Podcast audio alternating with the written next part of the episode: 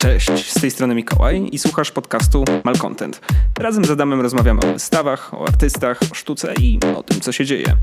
Żeby być na bieżąco, zasubskrybuj ten program w swojej aplikacji podcastowej. Jeśli chcesz zobaczyć więcej, zobacz nasze profile na Instagramie i Facebooku, gdzie pokazujemy też inne nasze projekty. Mam nadzieję, że ten odcinek Ci się spodoba i zostawisz nam parę gwiazdek w iTunes. Dzięki wielkie i miłego słuchania.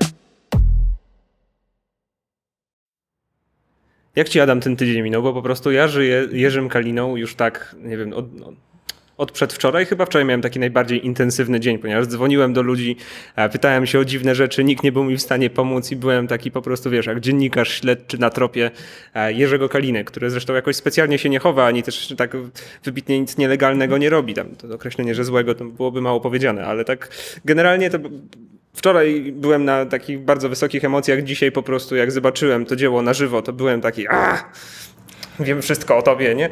I jeszcze mam trochę emocji w sobie. A ty? Znaczy, ty zawsze jakby Jerzego Kalina obdarzałeś większą ilością e, emocji, sympatii, zainteresowania niż ja. E, więc ja tego nie czuję, chociaż chcę przyznać, że wczoraj jak e, rozmyślaliśmy na temat dzisiejszego odcinka i uczyliśmy się różnych śmiesznych rzeczy na temat Jerzego Kaliny, na temat Mauricio, to y, trochę to poczułem, ale dzisiaj, jak tylko wszedłem na dziedziniec muzeum, to mnie uderzyło. To jakby. No, warto. Naprawdę warto tam pójść, warto to zobaczyć na żywo. Y, jest, jest ostro. Relacje z naszej wizyty zobaczycie na Instagramie zresztą. Tam też można zobaczyć trochę background tych głupich rzeczy, które robimy. Całość zaczęła się od e, artykułu na Wyborczej E, wyborczej, przepraszam, w dziale kultura, gdzie chyba we wtorek, nie, wcześniej jakoś, to w zeszłym tygodniu było w ogóle, była informacja na temat tego, że Jerzy Kalina e, postawi rzeźbę, którą zapowiedział w maju, ponieważ ta rzeźba miała być e, upamiętnieniem setnych, setnej rocznicy urodzin Karola Wojtyły. Tak się nie stało z różnych kwestii, mam wrażenie, że głównie koronawirusowych, albo organizacyjnych, albo może ktoś to przyblokował i postanowił zrobić w troszkę większym cieniu, jak zobaczył, co to ma właściwie być i tam był taki szkic po prostu, nie wiem, czy mamy ten szkic, nie mamy tego szkicu wydrukowanego, ale e, szkic, który pokazywał, że papież będzie wchodził do tej fontanny i będzie ciskał tym kamieniem e, w kierunku fasady. Nie? I to wszystko było takie troszkę przeskalowane i w ogóle było tak więcej, więcej emocji w tym. To, co się, no, to, to, co można zobaczyć dzisiaj, to w sumie tak z tym szkicem ma się trochę. W sensie jest ten sam papież, ten sam głaz, ale ten sam papież, ten sam głos, ale jakoś wszystko nie, wszystko nie wygląda z tym rozmachem, na który liczyłem, ale nie, to, to, nie jest powód, dla którego jestem rozczarowany. Sam fakt, że ta rzeźba istnieje, jest już spełnieniem moich wszelkich marzeń, skrytych i nieukrytych i po prostu wszystkich, wszystkich możliwych. A zobaczy, jeszcze zobaczyłem, ponieważ szukałem informacji, które miałyby zapowiedzieć jakoś cały ten, całą tą imprezę, że co będzie wielkie odsłonięcie, wiesz, będą, nie wiem, tam zespół Mazowsze będzie tańczył balet i tak dalej, że nie, nie wiem, dzieci będą nosiły wianki, chleb, sól i tak dalej, nie? Wydarzenie jest z jakiegoś powodu ukryte. Myślę, że się zasłaniają znowu koronawirusem, ale po prostu to jest taki kapiszon, który troszkę chyba chcą ukryć. Nie? Jest... Chciałem tylko powiedzieć, dojrzeć, dotrzeć do faktu, przepraszam Adam, to jest mój monolog, ale e, dotrzeć do faktu, że zobaczyłem e, post Muzeum Narodowego z 18 maja, na którym taki przepiękny Maciek, który musiał, e, zaprasza nas na setną rocznicę urodzin Jana Pawła II i to tak, tak... Ale jedno im trzeba przyznać, że napisali prawdę. Jest to niespodzianka. Jest to niespodzianka. Tak. To prawda. Nikt się tego nie spodziewał, a chyba wszyscy chcą to zobaczyć. Znaczy, jak dzisiaj tam byliśmy, to ten pomnik miał takie swoje grono adoratorów. W sensie... Tak, znaczy w ogóle ja tak jak wszedłem, to myślałem sobie, że tam było bardzo dużo takich y, pań y, w wieku 50 plus, i myślałem, że one tam przyszły właśnie po to, żeby zobaczyć ten pomnik. I już tak się ucieszyłem, że w sumie tak osoby, które może, nie wiem, nie przychodzą tak, tak często do muzeum, specjalnie przyszły, może wejdą do toalety, jakby wejdą do muzeum, jakby coś się, coś się dzieje, jakaś tam... Y, Ale okazało się na szczęście, że panie przyszły na wycieczkę zorganizowaną e, i oprowadzanie po muzeum, więc e, w sumie to nie wiem, czy nasze oczekiwania upadły. No tak, jakby trochę były ageistowskie, w sensie jakby... Bardzo, bardzo no. wybitnie. Więc pozdrawiamy panie, mam nadzieję, że im się podobało w muzeum. To skoro mija piąta minuta, to może powiemy właściwie o jakiej rzeźbie rozmawiamy dla tych, którzy może są wyrwani spoza kontekstu lub słuchają tego trochę później, jak już wiesz, tam historia wyklęta wyklnie absolutnie całe to wydarzenie, co mam nadzieję się stanie. E, chodzi o instalację Jerzego Kaliny, która przedstawia naturalnej wielkości, czyli małą, e, postać e, papież był niski, przepraszam. E, po, postać papieża, który e, meteoryt lub głaz na potrzeby e, Jerzego Kaliny, nie, nie, wiem, chyba, chyba jest jako meteoryt, bo chyba jasno mówi, że to jest nawiązanie do Mauricio Catalana.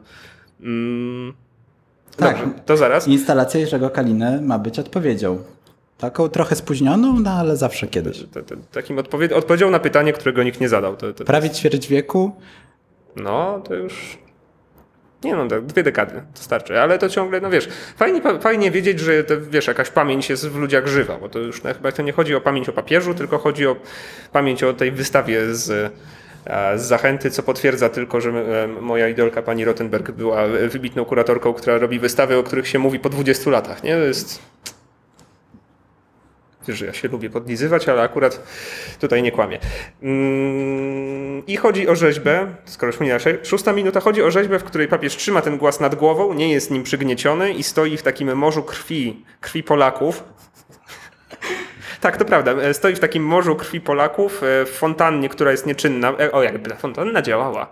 Znaczy, jeszcze fajne jest to, że jak tam pójdziecie, to ta fon fontanna, sadzawka, zwał jak zwał, jest wypełniona wodą. Pod wodą są, jest czerwona, czerwona folia, coś takiego, czerwona folia, która ma być tą krwią Polaków i no jak to woda wypycha czasami i są takie powietrzne burble, A ty się czepiasz, czepiasz się. To jest symbol, a nie wiesz, to wykonanie to jest drugorzędne akurat. Nie, no myślę, że to też warto o tym pogadać. No, papież jest, y, jest z plastiku, jest folia. Trochę taka działka nam się robi, jakby w sensie, nie wiem, pomidory można by tam też. Troszkę tego nie rozumiem. Znaczy chciałem inaczej. Tu, tutaj mam taką anonimową opinię, której w sensie autor chce pozostać anonimowy, więc y, będę tutaj bardzo miłym człowiekiem i zostawię to bez podpisu, ale e, to jest abstrahując od bezsensownego, bezsensownego przekazu, kiczowata estetyka tej instalacji, czyli zaburzone proporcje i rażąca nienaturalność kwalifikują ją co najwyżej do lokalizacji w przydomowym ogródku autora. I tutaj się mieści twoja interpretacja z działką. Myślę właśnie, że to jest, to jest odpowiednie miejsce. Ale autor powiedział też, że tym razem nie zaatakuje tej instalacji. Nie, Adaś, tak nie możemy. Nie, nie, nie. To, to, to, to, to jest... Ale nie powiedzieliśmy kto to. A dlaczego tym razem? Nikt tej instalacji nigdy nie atakował. No tej nie. No właśnie. E, więc całość tej historii, tej fantastycznej historii zaczyna się w 1999 roku, czyli już Nawet wcześniej, bo w Polsce została nam pokazana wtórnie. Ale nie przygotowaliśmy się, gdzie była pokazana pierwszy raz, więc w Polsce zaczyna się w 1999 roku. mm, W tak, Zachęcie. w Zachęcie rzeźba Lanona Ora e, autorstwa e, Mauricio Catalana. I tutaj taki mały disclaimer, ponieważ wczoraj znaleźliśmy na stronie Muzeum Czwartej Rzeczpospolitej coś takiego, tak jest wzorowane na Wikipedii, jakiś taki bezbek trochę. Taką insynuację, czy taką teorię spiskową, że ta dziewiąta godzina, rzeźba z 1999 roku, dziewiąta godzina, Lanonna Ora, No, no. wskazuje, Lanona Ora? No, no, Ora. Oj, nieważne. W każdym razie wskazuje nam na godzinę śmierci Jana Pawła II, który umarł właśnie o 21. Przypadek? A ja nie sądzę, ale... Nie no, my- myślę, że Mauricio Catalan miał taki bezpośrednio... Ręce, ma, rę- ręce maczał akurat w tym. No, nie, tak. Rzucał meteorytem. Rzucał meteorytem. odcisków palców. Myślę, że to on właśnie wynalazł Parkinsona, nie? Ale nie, do, dobrze, dobrze. Ko, koniec, to, to nie jest takie włoskie nazwisko, nie? E, ci Włosi. A pewnie jakaś mafia, nie? W sensie Włosi to mafia. Przestań. Co? Nie, nie, nie, to trzeba wyciąć. Dobrze. Bardzo mi się podoba interpretacja, nie wiem z którego, że to jest chyba z gazety. Tak, tak, to jest z gazety wyborczej kolejny artykuł. Naturalnej wielkości rzeźba e, papieża mm, znajduje się w e, fontannie przed muzeum. E, Papież O, instalacja jest odpowiedzią Jerzego Kaliny na słynną rzeźbę Katalana z 99, przedstawiającą postać Jana Pawła przygniecioną meteorytem. W ujęciu Kaliny Jan Paweł II nie jest bezsilnym, starym człowiekiem o przygnie, przygniecionym meteorytem. Bardzo dużo starszych ludzi jest takim bezsilności przygniecenia meteorytem. Em, lecz tytanem o nadludzkiej sile. Myślę, że akurat e, stwierdzenie, że po, potrzebny nam jest papież jako tytan o nadludzkiej sile, nie wiem, jak Obelix albo e, Mariusz Pudzianowski jest e, wybitnie... Rozumiem, dobrze, przepraszam, obdzieram to trochę z symboliki, ale ta rzeźba nie jest symboliczna. Znaczy, ja myślę, że ta rzeźba to reprezentuje trochę myślenie życzeniowe, tak jak Katalan w jakiś tam sposób tą rzeźbą La Nonna Ora, Nonna Ora? La Dobrze. Nonna Ora, tak? No na orę, no. Nonna Ora. Tą rzeźbą no po prostu stwierdzał fakt jakby stanu kościoła, stanu papieża. E, To tutaj no to mamy myślenie życzeniowe wobec stanu polskiego kościoła, wobec stanu też poniekąd polskiego społeczeństwa, czy pamięci o papieżu. Mm, I cały, w sensie, myślę, że wszyscy by przemilczeli jakoś fakt tego, że ta, ten Katalan stał w tej, w tej zachęcie, gdyby nie to, że pojawił się tutaj nam nadpolak, Lechita i a, przemiły pan, który postanowił stanąć w obronie godności papieża. Musimy też wziąć, to, myślę, wiesz, perspektywę sprzed 20 lat. W tym momencie, w tamtym momencie papież Polak nie miał jeszcze tak złej renomy, jak dzisiaj może mieć i w niektórych kręgach. Myślę, że to też, e, myślę, nie było też kultu Jana Pawła II, w sensie nie był jeszcze błogosławionym świętym i nie była cała ta machina rozruszana. Nie? W sensie myślę, że ta perspektywa była troszkę, troszkę węższa niż dzisiaj. Więc musimy wyłączyć parę wątków z tej dyskusji. Jednakże mm, pan e, Witold Tomczak z Ligi Polskich Rodzin e, w 2000 roku, czy jeszcze w 99, no mniejsza, e, dawno temu, postanowił razem ze swoją koleżanką z partii, mm, Jak się koleżanka nazywała? myślę, że Myślę, że pani koleżanka może pozostać koleżanką. Czekaj, czekaj, może tutaj mam? Nie, no wszędzie piszą o panu, panu Tomczaku, więc to musimy to zostawić chyba w ten sposób. Mm. E, I postanowił uratować papieża spod meteorytu, który wdarł się przez szklany dach e, zachęty. Mm, I e, postanowił. po- A, już wiem, jego koleżanki rola była taka, że ona odciągnęła uwagę ochrony. A? E, już sobie przypomniałem. Ona odciągnęła uwagę ochrony, a on w tym czasie podbiegł do papieża i tą, wiesz, biedną, przygniecioną rzeźbę mm, uratował od tego meteorytu, tylko złamał jeszcze po drodze papieżowi nogę. E, więc tak nie wiem w sumie, czy to lepiej mieć złamaną nogę, czy być pod meteorytem. Z dwojga złego chyba lepsza złamana noga, tak koniec końców. Mm, No i generalnie, jak sobie tak pomyślisz, że któregoś razu wpadasz do galerii, podbiegasz do rzeźby, e, psujesz ją, tak już będąc absolutnie obiektywnym, to musisz ponieść tego konsekwencje. Dobrze myślę? No, powinno się. Nie, bo jesteś posłem na Sejm Rzeczpospolitej Polskiej i masz coś takiego, co się nazywa immunitet.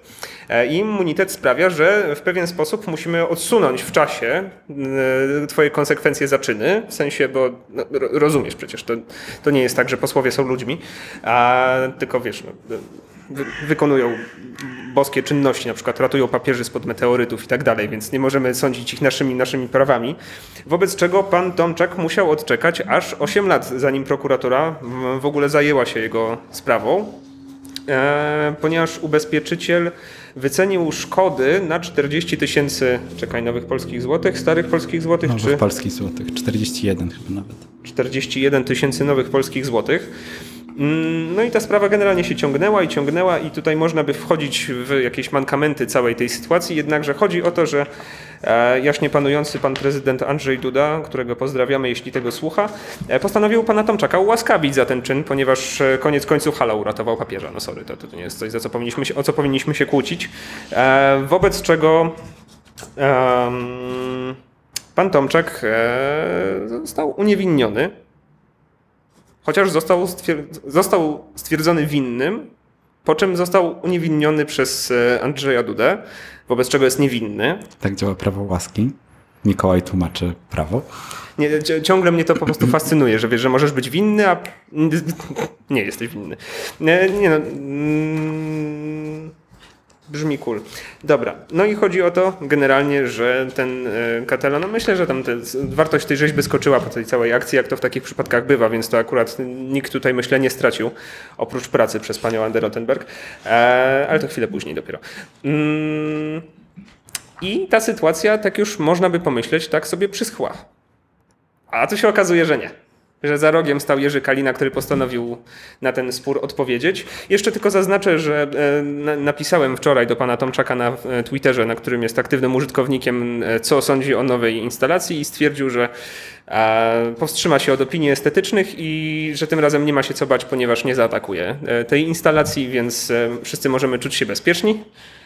Mm, Szkoda, i pozdrawiamy pana bardzo, ponieważ nie chcę, nie chcę tego drążyć, wiesz Adaś, dlaczego? Bo e, pan Tomczak nie jest już politykiem. Mm, Myślę, że ta sprawa już, e, już pomimo tego dziwnego zakończenia już się rozwiązała, już, już jej nie odkopiemy.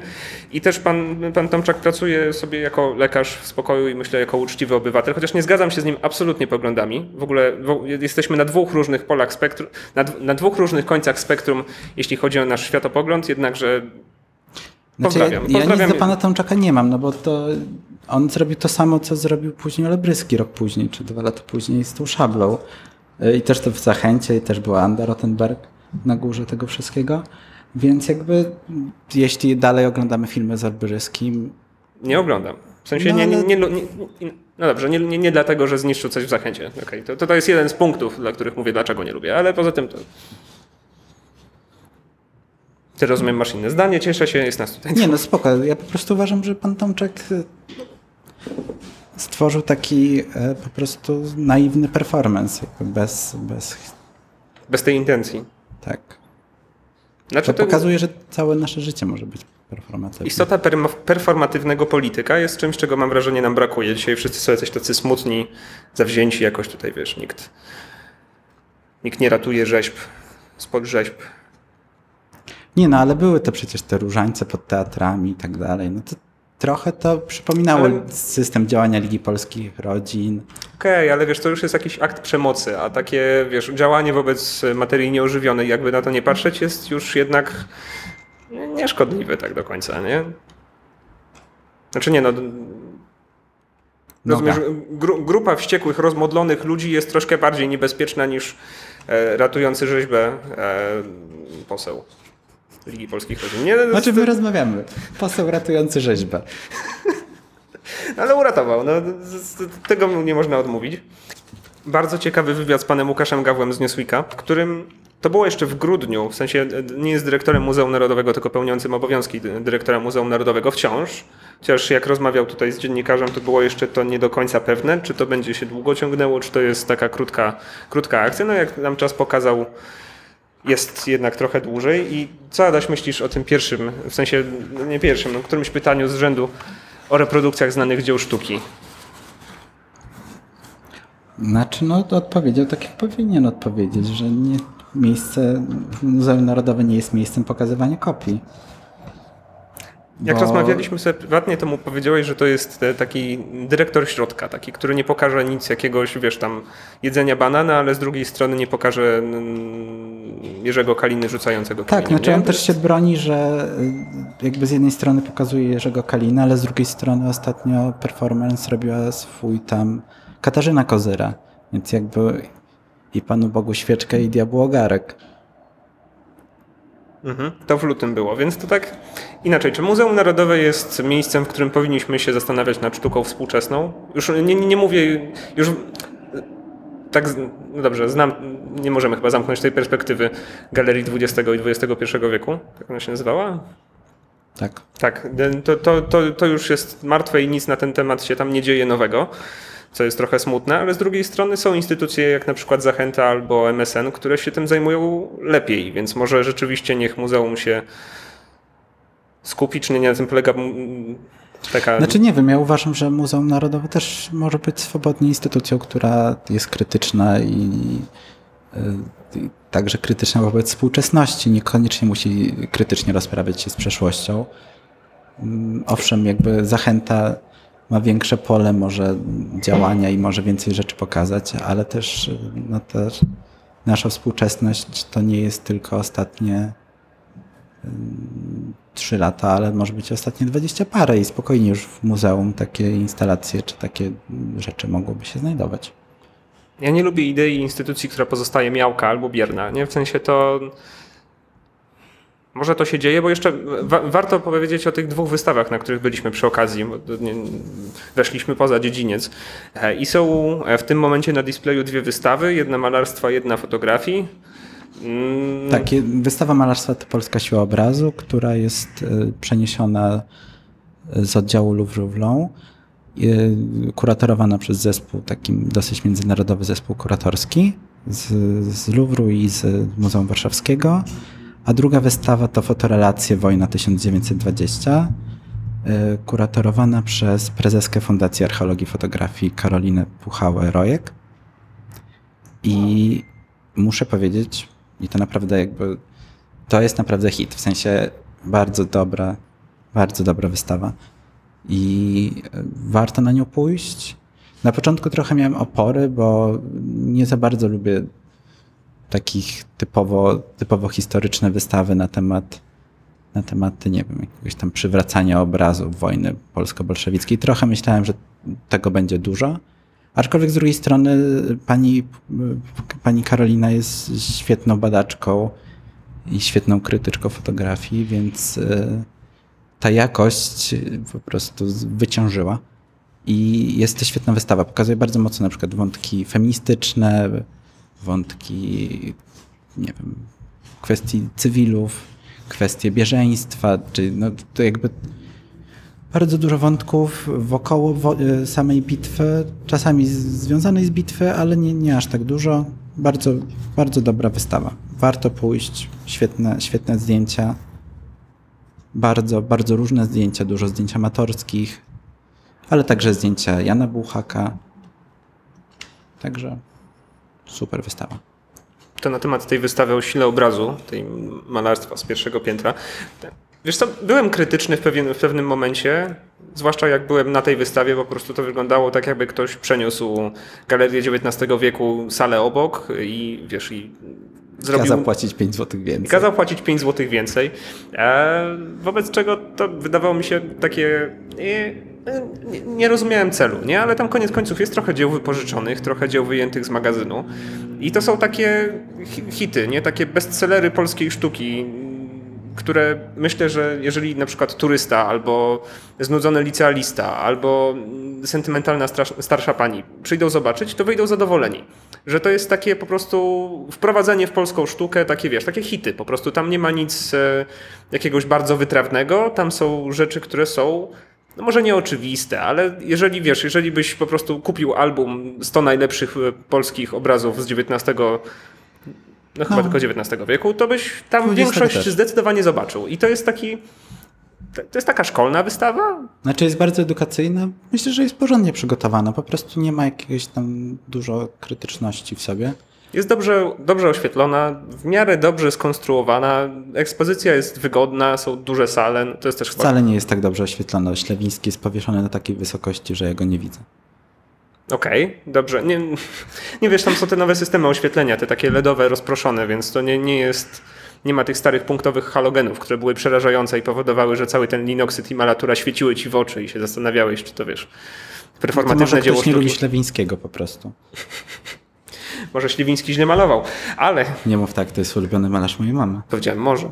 Mm, więc generalnie to jeżeli czujecie, że znacie polską sztukę XIX wieku, to można pójść tylko na fotografię, bo naprawdę tam się nie wydarzy nic jakiegoś zaskakującego, nie ma suspensu, nie ma jakichś, nie wiem, wielkich krytycznych stwierdzeń. To jest taka wystawa, na której po prostu licealiści czują, że są tam za karę, nie? I tyle. No, i nikt liceum się nie interesuje malarstwem XIX wieku, nie oszukuj się, Adaś.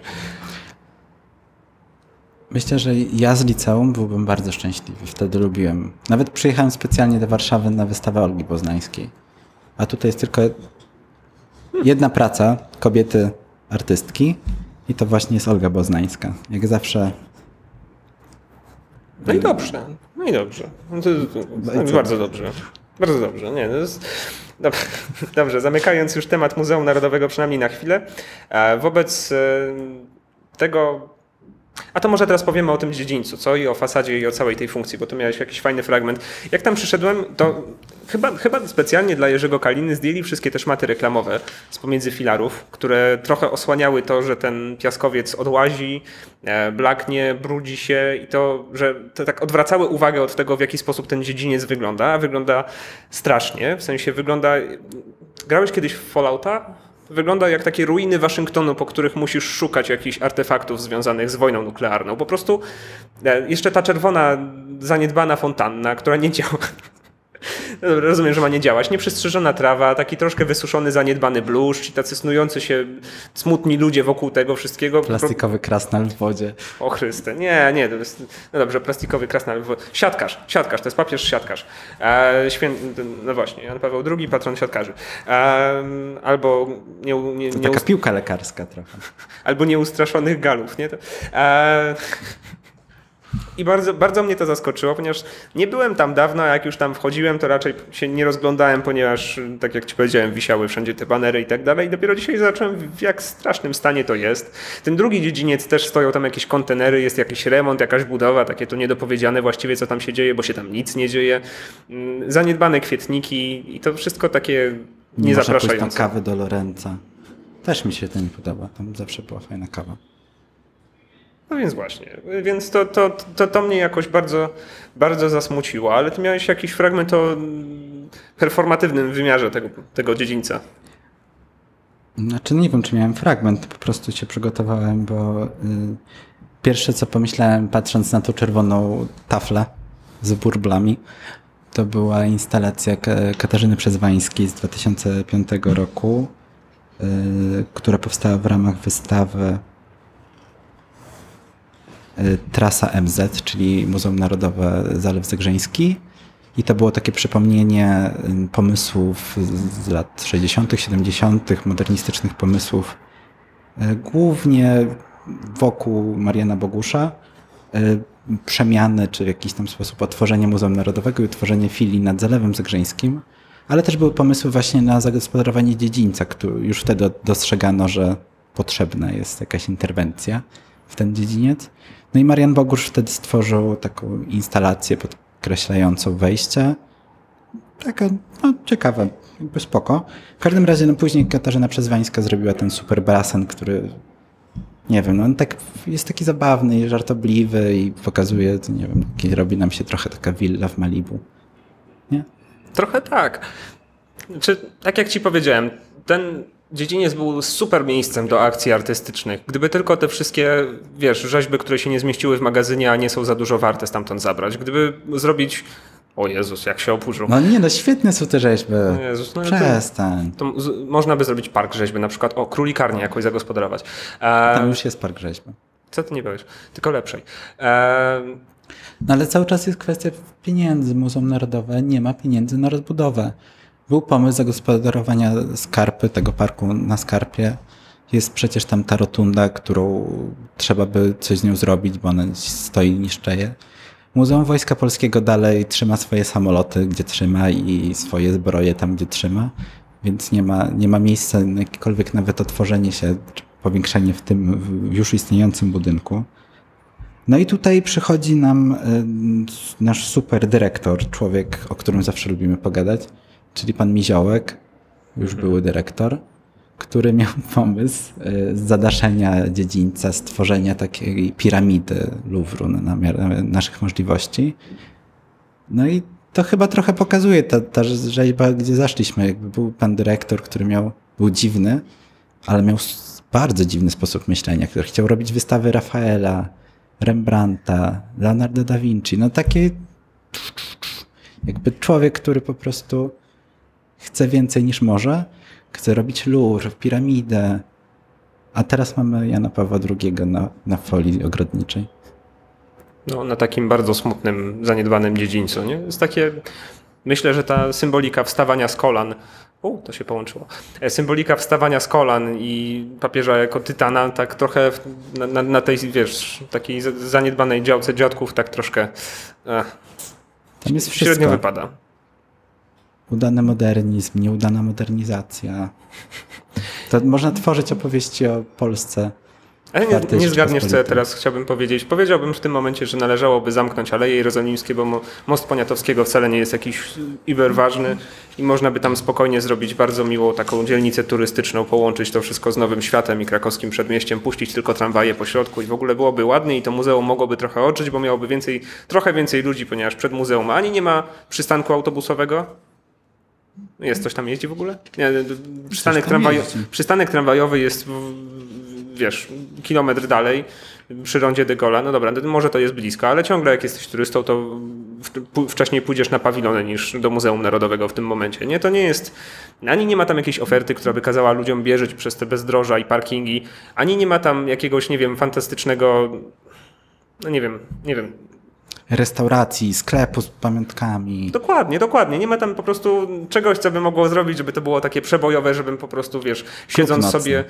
Klub nocny, żeby siedząc sobie, nie wiem, na Łotwie, usiąść i pomyśleć, szajs, muszę pojechać do Warszawy, bo mają takie zajebiste muzeum, nie? W sensie nikt tak nigdy nie pomyślał. I ustalmy to jasno i od góry, chyba, że jakiś pijany historyk sztuki, który kupował bilety w Ryanerze, ale to też nie jest do końca ten moment. A to, nie wiem, jest, jest Louvre, jest Kunsthistorische, jest, wiem, że może też nie mamy takich zbiorów, Jak to nie mamy takich zbiorów? Mamy większe zbiory niż Louvre. Mamy większe zbiory niż Louvre, które można by pokazać, wyrzucić Muzeum Wojska Polskiego, na przykład do Cytadeli. Tam nie jest nam absolutnie potrzebne żadne muzeum. Co, Właśnie, tam, a co, propos co, tam, co tam będzie w ogóle? A, Aż mi to nie przechodzi przez Muzeum gardło. Historii Polski? A, wreszcie, po co nam to? Można by tam wrzucić Muzeum y, Wojska Polskiego, no bo wiesz, Cytadela, wojsko, ten temat się łączy. Wypieprzyć wszystkie te samoloty, tupolewy, jaki i tak dalej i wszystko, co tam w ogóle mają na, na, w magazynie i zrobić tam y, kolejne skrzydło Muzeum Narodowego, bo koniec końców to jest ten sam budynek. I dlaczego miały być inaczej? Zrobić jakieś patio przed, zrobić taki mały parking, może coś dla autobusów, tak wszystko wyremontować, pomalować, wyczyścić piaskowiec, skoro Pałac Kultury się udało, to może uda się też Muzeum Narodowe i zrobić to, żeby ta instytucja miała ręce i nogi, a nie tylko była takim magazynem zapchaj dziurą dla turystów, którzy zapłacą 25 zł, bo płacą w euro. Skończyłeś? Tak. No. Znaczy, I tylko dopowiem, że na stronie internetowej jest dostępny cennik, w którym można wynająć sobie Muzeum Narodowe i to nie jest żart. I można wynająć sobie hol główny i szatnie za 45 tysięcy złotych, nie wiem, to chyba jest na wieczór, To są, jest 6 godzin imprezy i 6 godzin. y, montażu i demontażu. Można tam zrobić po prostu stand-up. To by było coś. Stand-up na, te, na temat tego, jak straszny jest to budynek i zaniedbany. E, można, o, dziedziniec główny wynająć za 15 tysięcy złotych. Za 15 tysięcy, a w sumie to jest dobra cena, jak za taką niewyremontowaną działkę, na której można się potknąć i zabić. I jeszcze masz krasnala w czerwonym basenie po prostu. Nie, nie, nie, to jest, to jest... To, że ja dotarłem do tego cennika jest tak gigantycznym nieporozumieniem, że może to zrobić każdy, kto wejdzie na stronę Muzeum Narodowego. No, ale to dobrze, że są przejrzyści w tej kwestii. Okej, dobrze. Znaczy ja uważam, że super, bo tutaj wiele instytucji jakby stara się, bardzo mocno chroni to i w jakiś sposób wstydzi się tego komercyjnego wykorzystania, a tutaj mamy cennik na stronie, no i spoko, no jakby o to chodzi.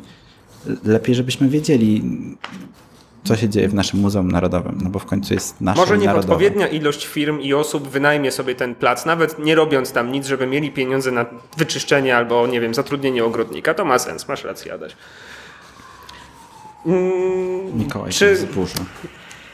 Nie, nie, zburzu będą. To jest ładny budynek z ładną okładziną w ogóle i w ogóle bardzo mi się podobają takie budynki. Lubię w ogóle super ekstra, ale, ale nie. Nie Mogłoby to być lepiej że- zorganizowane. Nie masz wrażenia, że ten papież, szczególnie w tym, na, tym, na tym szkicowej, yy, szkicowym projekcie, papież wygląda tak, jakby strasznie nie, nie lubił tego takiego klasycyzmu zredukowanego. A masz architektura tak. lat 30., fujka, Dokładnie. tylko dokładnie, lata 20., gdzie są stiuki. Nie wiem, tak to widzę.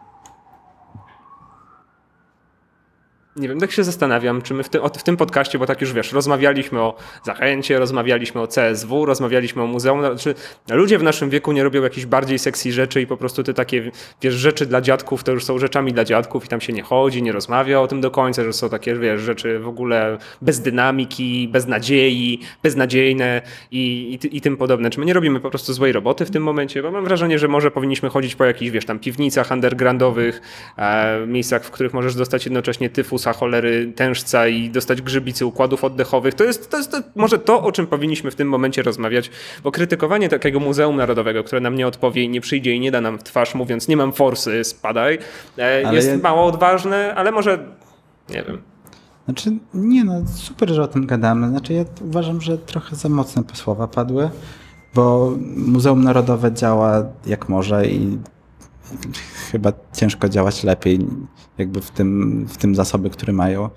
Oni mają kurczę 800 tysięcy eksponatów. Co, Misję naukową realizują na pewno bardzo dobrze. To, to nie, mam, nie, ma, nie mam absolutnie nic do tego. Na pewno opieka nad zbiorami i wszystkie te takie, wiesz, rozumiesz, programy naukowe, programy mm, restauracji dzieł, re, restauracji, restauracji dzieł sztuki i tak dalej są przeprowadzane na odpowiednim poziomie i w to ufam, ale chodzi mi o tą misję ekspozycyjną, ten front, ten marketing, to pokazanie No ludziom, co zobacz, mamy, nie? Niedawno otwarła się, otworzyła y, nowa galeria w, sam, w, now, w tym budynku, czyli Galeria Designu Polskiego. Jest super. Jakby też wisiał nad nią topór dyrektora Miziołka, ale na szczęście nie udało jej się zamknąć. Jest bardzo dobrze zrobiona, bardzo dobrze, bardzo edukacyjna. Myślę, że też no tylko trzeba przyjść. No, to jest największy problem. Ale tak jak patrzyłem, to było sporo ludzi. No kurczę, była, byliśmy o godzinie 15 na wystawie czarno-białych małych fotografii z lat 20. było, według, jak rozmawiałem z panią, było około 30 osób od rana. No to to nie jest źle. Jak na Muzeum Narodowym. Wtorek, wtorek rano. I ludzie przychodzą. Środę, środę kolego. Środę. Środa rano. To jeszcze. Wtorek to jeszcze tak, wiesz, przychodzisz w poniedziałek i myślisz sobie, o nie, muzeum zamknięte, to pójdę jutro, a w środę już tak nic nie myśli, bo wtorek było otwarte. Myślę, że są ludzie, którym aż tak bardzo zależy. Ja, tylko kilka chcia- razy się natknąłem na zamknięte muzeum w Ja poniedziałek. też. I to, to jest w ogóle absolutna porażka, bo to, to. No dobrze, nie ma. Może też ludzie powinni kiedyś mieć wolne. Jak nie mają niehandlowych niedziel, to mogą mieć no, poniedziałki bez sztuki, nie? Sale ekspozycyjne i zetrzeć kurz z ramek. Dobrze, to jest bardzo ważne. Chciałem tylko tak już, już w konkluzji, bo myślę, że to będziemy powoli kończyć, mm, bo chyba nie mamy już ni- nic więcej mądrego do powiedzenia. E, Są dwa fakty. Zostaliśmy zaproszeni. Ale nie jakoś imiennie, albo specjalnie, albo n- nikt do nas nie zadzwonił. Ja tam po prostu się doprosiłem i zostaliśmy zaproszeni na otwarcie, e, odsłonięcie, otwarcie rzeźby. E, Odsłonięcie instalacji e, jutro, więc możecie śledzić e, to, co się dzieje i co się wydarzyło i czy mieliśmy odwagę porozmawiać z artystą e, i czy artysta może nas zna i w ogóle i tak dalej. E, Zobaczycie na naszym Instagramie, to na pewno. To jest Malcontent Podcast, to znajdziecie. O, Adam się krzywi, ale Adam nie lubi takich rzeczy. Adam by chciał tak sobie siedzieć w archiwum, po prostu porządkować wszystko to i te, wszystkie nasze słowa, robić transkrypcje. W ogóle to by było świetne. Adam, trzeba wy- wynieść nasz podcast w bardziej performatywne rejony. Jesteśmy, wiesz, młodymi ludźmi, musimy pokazywać się na Instagramie i innych takich, wiesz, Facebookach i tak dalej, E, więc tam nas znajdziecie na pewno, przynajmniej przez najbliższe parę dni, póki jeszcze o tym pamiętam. Mm, I w drugiej konkluzji, to już tak na zakończenie. Wiesz co? Ja miałem pretensje do dyrektora Rybsona. Że odszedł? Nie, za ostatnią wystawę, którą zrobił. No a Miałem, miałem pretensje, po i prostu co teraz? ciśnienie Szacuneczek. mi skakało i wiesz co? Tęsknię. Tęsknię, bo tam mi ciśnienie skakało na poziomie ideowym. Tam mi po prostu czułem, że niektóre rzeczy można było zrobić lepiej i brakowało mi 10% do perfekcji. I to mnie wkurzało. Dzisiaj brakuje mi 90% do Nie, perfekcji. no nie mówmy tak, no to jest całkiem dobra wystawa, jeśli... No bez przesady. Jakby nie jest źle. Nie rozumiem, dlaczego lepiej. galeria XIX wieku była zamknięta, na przykład zaplombowana. Wszystkie obrazy były na wystawie. Ale z drugiej strony informacja była, że jutro ma być otwarte, więc e, zastanawia mnie, co się dzieje, dlaczego to tak działa, a nie inaczej. Znaczy, E, z tego co widziałem w tym wywiadzie, to coś tam się szukuje do jakiegoś remontu, więc może to jest z tym związane. Zobaczymy, co będzie teraz w grudniu. Mają już zamiar otworzyć, czy, czy może jeszcze później otworzyć galerię sztuki starożytnej. Może to będzie coś super nowego i jakieś nowe otwarcie w muzeum. No bo przecież galeria Faras, która ma już kilka, kilka dobrych lat, ale dalej jest całkiem Byłem fajną dzisiaj. przestrzenią. Było przyjemnie, to prawda. W sensie byłem Śpiewy. ja i 20 przemiłych pań, które pilnowały ekspozycji, wobec czego byłem, w każdym momencie czułem się, jakbym to ja był eksponatem, e, więc to, to, to, to mnie troszkę zestresowało, ale koniec końców bardzo lubię oglądać takie stare ołtarze, krucyfikse i tak dalej. To jest krucyfiksy? Krucyfikse. Kruca Fuksa. No. A, więc to pozostańmy, pozostawmy Jesteśmy pełni nadziei wobec Jako muzeum. puentę? I wobec Niech, niech sloganem pozostanie to, że poszliśmy tam, żebyście wy nie musieli. Nie, no. No dobrze, dobrze. Może Nie, no naprawdę cyniczny. bardzo polecam wystawę Fotorelacje Wojna 1920. Myślę, że to jest taka wystawa, którą warto za- zobaczyć, jeśli lubicie fotografię. Albo jeśli chcecie po prostu zobaczyć trochę inny obraz, może mniej podręcznikowy, może bardziej, bardziej krytyczny tej wojny, tych czasów. Także bardzo warto. Dobrze. To dziękujemy Wam jeszcze raz za to, że słuchaliście tego odcinka. A mamy nadzieję usłyszeć się z Wami niedługo. Śledźcie nas na Facebooku, na Instagramie. Rozmawiali dla Was, przy Was, z Wami. Może nie. E, Mikołaj Krupa i Adam Paral. dobrze. Do usłyszenia. Elo.